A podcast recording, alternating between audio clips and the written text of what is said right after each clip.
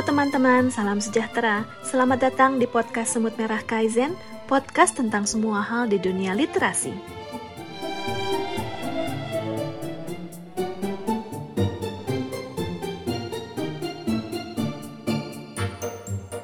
Halo, ini Kino. Hari ini dalam segmen ulasan buku, aku akan berbagi hasil ulasan buku Jakarta Sebelum Pagi yang ditulis oleh Ziggy Sesha Zeoviena Zabriski. Buku ini adalah bahan diskusi klub baca komunitas Semut Merah Kaizen di bulan Juni lalu. Eh, tapi peringatan dulu ya, ulasan ini mungkin agak-agak spoiler nih. Jadi yang gak suka spoiler dan pengen baca bukunya, mungkin baca dulu kali ya baru dengerin ulasan kita-kita.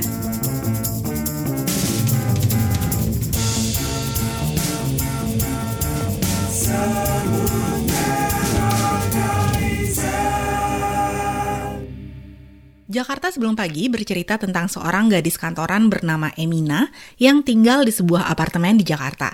Seminggu sekali ia berkunjung ke rumah kakek neneknya dan menjalin hubungan baik dengan tetangga sang kakek nenek yang juga adalah seorang kakek-kakek. Emina dekat dengan salah satu koleganya bernama Nisa dan juga cukup dekat dengan seorang tetangga yaitu remaja bernama Suki yang punya banyak kucing dan bekerja di toko teh. Ada juga cerita tentang hubungan Emina dengan seorang pria bernama Abel yang punya fonofobia atau fobia terhadap suara. Sebenarnya cerita buku ini berpusat pada hubungan Emina dan Abel yang banyak terjadi pada tengah malam karena fobia suara yang dimiliki Abel ini. Dan karena itu makanya judulnya adalah Jakarta Sebelum Pagi. Banyak banget nih sebenarnya yang dibahas di dalam pertemuan klub baca kita. Tapi mungkin aku mulai dengan refleksi dari Andin dulu kali ya. Andin ini moderator dan pengusul buku bulan Juni ini dan berhubung panjang dan menarik banget nih refleksinya Andin. Mari kita dengerin langsung aja yuk dari dia. Aku merasa banyak perasaan perasaan terdalam tokoh tuh dituliskan Ziki dalam bahasa Inggris gitu dan aku pernah baca ulasan tuh itu ada beberapa kemungkinan satu Ziggy secara otak sulit mengutarakan itu. Yang kedua Ziggy secara emosi sulit mengutarakan itu. Dan aku sedikit berkesimpulan Ziggy tidak berhasil menaklukkan ini hambatan entah emosi entah otak untuk merangkai ini dengan bahasa Inggris. Atau memang karena dia ya sehari-harinya bahasa Inggris aku juga nggak tahu gitu.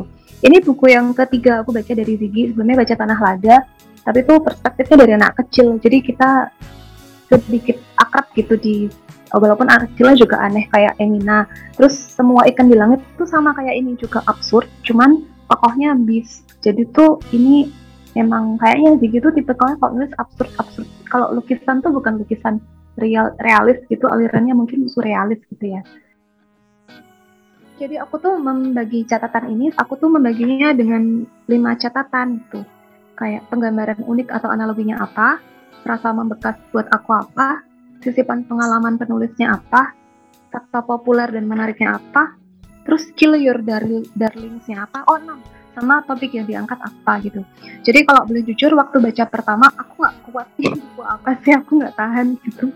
Terus aku nggak selesai aku recall catatanku tanah lada sama semua semua ikan di langit. Aku recall oh jadi kelihatan Rizik itu kayak gini. Terus aku lihat wawancara wawancaranya ternyata uh, ya itu pengalaman hidupnya ya tertuang di buku ini. Jadi aku jujur untuk uh, pembacaan kali ini membaca buku satu aku gagal dan aku menggunakan pengalaman baca berbeda yaitu dengan melihat sudut-sudut pandang lain bukan orang lain sudut pandang lain dari Ziki sendiri penulisnya sama saat dia nulis buku lain dan aku kayak berkenalan dengan cara itu gitu dan ya ini pengalaman baca yang berbeda gitu. Nah, kalau Andin melihat buku ini dari enam hal yaitu apa aja ya tadi ya? Penggambaran unik atau analogi, perasaan apa yang membekas setelah membaca, bagaimana penulis menyisipkan atau seolah menyisipkan pengalaman pribadinya, terus fakta menarik, kill your darlings, dan topik yang diangkat. Yang lain melihat buku ini dari uh, penokohan, alur atau plot, penggambaran latar cerita atau konteks cerita, gaya penulisan, dan kesan pesan atau kutipan favorit. Nah, mari kita bahas satu-satu. Dari penokohan, semua anggota klub baca menganggap tokoh-tokoh yang ada di buku ini cukup menarik. Masing-masing tentu punya favorit yang berbeda ya. Ada yang suka Emina, si tokoh utama yang ngomongnya suka ngalor ngidul. Atau Nisa, sahabat Emina yang belak-belakan dan ya kadang-kadang agak intrusif gitu. Atau juga Suki, si remaja pinter berpengetahuan luas. Pokoknya kayaknya beda-beda ya tanggapannya gitu ya. Atau apa yang dianggap menarik oleh para masing-masing pembaca nih. Ada yang bilang kalau penokohan ini jelas digambarkan melalui cara bicara, atribut, isi pikiran, dan ekspresi yang dipakai oleh masing-masing tokoh dan juga bahwa um, sejumlah tokoh ini juga bertumbuh sepanjang cerita. Kalau aku pribadi, hmm, setuju sih tokonya menarik. Tapi mungkin buat aku ada dua hal kali ya yang cukup mengganggu. Yang pertama adalah tokoh Abel. Nih, si Abel nih ceritanya adalah mantan pengungsi dan penyintas perang. Yang saat ini tinggal di Jakarta setelah diadopsi oleh tetangga kakek nenek Emina. Nah, yang mengganggu buat aku adalah Ya gimana ya, berhubung aku di dunia nyata ini adalah peneliti pengungsi, kayaknya penokohan Abel ini banyak yang janggal deh. Alias aku nggak bisa bayangin ada mantan pengungsi yang tingkah lakunya kayak Abel. Terus yang kedua, di awal-awal cerita, si Abel nih ceritanya PDKT nih ke Emina ya dengan cara yang cukup unik yaitu stalking. Nah, aku tuh nggak terlalu yakin kalau dalam cerita ini istilah stalking atau stalker yang dipakai itu dalam kerangka bercandaan atau enggak. Maksudnya kan biasa ya kita bercanda-bercandaan soal kesengan. Ah, lu ngestok dia ya? Atau itu tuh stalker lu tuh. Tapi aku inget pas baca sempat mikir kalau yang dilakukan si Abel ini untuk menarik perhatian Emina agak-agak ngeri ya. Stalking itu nggak unyu loh guys, itu tuh obsesi yang nggak sehat. Jadi di awal-awal rambu-rambu aku langsung nyala gitu pas baca buku ini. Kedua, soal alur atau plot banyak nih yang bilang kalau awal-awal baca bukunya itu bosen, males ngelanjutin, alurnya lambat dan muter-muter. Tapi ada juga yang bilang bukannya lambat nih alurnya nih, tapi emang terasa terlambat karena hampir setengah novel lewat baru mencapai makna judul yang diangkat. Hmm, kalau ini sih aku nggak bisa komen ya karena seperti Andin pas pertama kali coba baca buku ini, aku tuh nyerah bacanya. Gak beres, karena nggak tahan. Aku suka sih baca buku yang alurnya agak-agak absurd gitu ya, kayak Murakami atau Han Kang yang nulis buku The Vegetarian itu loh. Itu tuh buku absurd banget deh, tapi aku suka banget. Cuman Jakarta sebelum pagi kayaknya not my cup of tea deh. Eh, tapi ada juga loh yang suka alur buku ini karena katanya kayak teka-teki gitu, penasaran akhirnya gimana. Kemudian lanjut ke pembahasan berikutnya soal penggambaran latar cerita atau konteks cerita. Nah, pertanyaannya adalah, apakah latar cerita di buku ini tergambar dengan baik dan jelas? Jawabannya bervariasi lah ya, dari iya banget sampai ya gitulah. Ada beberapa bagian yang menurut aku kalau dieksplor lebih jauh kayaknya akan bikin semakin menarik.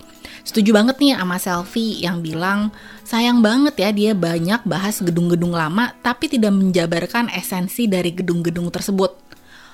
Walau bisa dibayangkan, tapi agak kurang bisa relate nih.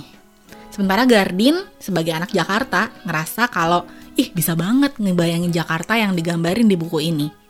Nah, aku sebagai anak perkotaan, itu setuju dengan selfie.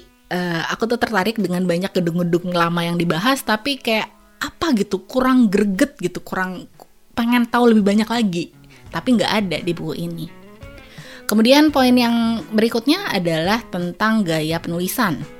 Nah, ini yang pada sepakat kalau gaya penulisannya unik, yaitu dari sudut pandang orang pertama, di mana kita seolah-olah bisa mendengar si karakter itu ngomong dan ngomongin semua yang ada di dalam pikirannya.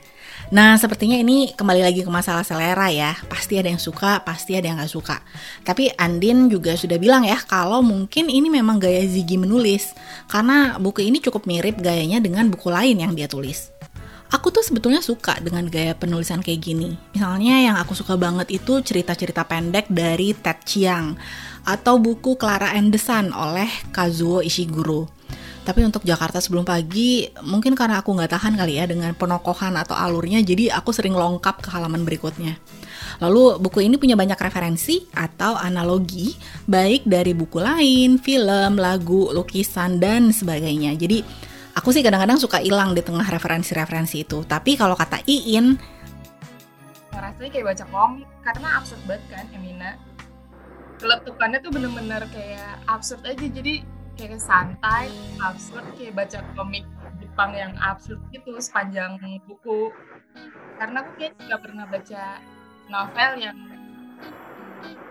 yang absurd. Eh, cara nyeritain orang absurd itu bener-bener belak-belakan gitu kan dia kayak dikit-dikit di kepalanya ada ada ketukan tapi nggak kayak gini kayak gini gitu. pokoknya apa sih analogi-analogi yang kayak oh iya iya iya, iya gitu lucu sih aku senang banget pas uh, Emina celetuk-celetuk gitu kayaknya karena ini orang yang aneh banget gitu lucu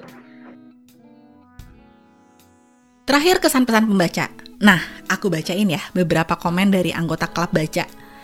Dari Gardin, buku ini bisa banget bikin aku ketawa terpingkal-pingkal. Pilihan kata-katanya pas dengan selera humorku dan aku bisa membayangkan bagaimana tokoh ini berbicara dengan cepat dan dengan cepat pula menyesali kenapa dia membicarakan hal itu. Dan juga bagaimana Emina memakai ilustrasi babi dengan konsisten dari awal sampai akhir menunjukkan bagaimana ia berusaha menikmati hidupnya. Dari Andy, kutipan favoritnya adalah Bukannya menemukan orang yang bersedia menghabiskan waktu untuk mendengarkan kamu itu lebih penting daripada memaksakan diri untuk dilihat orang yang bahkan gak peduli. Nah, kutipan ini kayaknya cocok banget nih buat kamu-kamu yang lagi fase mencari atau memilih pasangan hidup. Kalau dari Bunga, Bunga bilang, Wah, banyak sekali adegan favorit.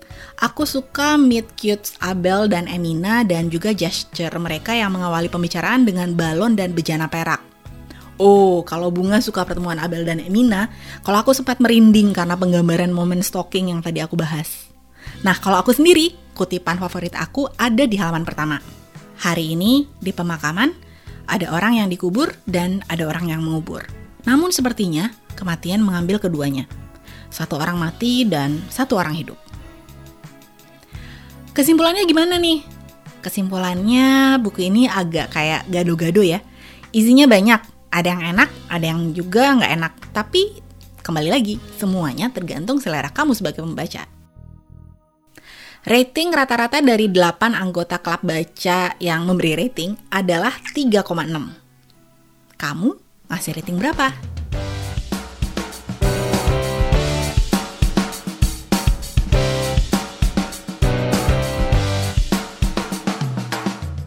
Demikian podcast Semut Merah Kaizen episode kali ini. Kami tunggu komentar dan sarannya di Instagram @semutmerahkaizen. Sampai jumpa di episode berikutnya. Karena semua orang bisa menulis dan semua penulis butuh komunitas. Salam literasi.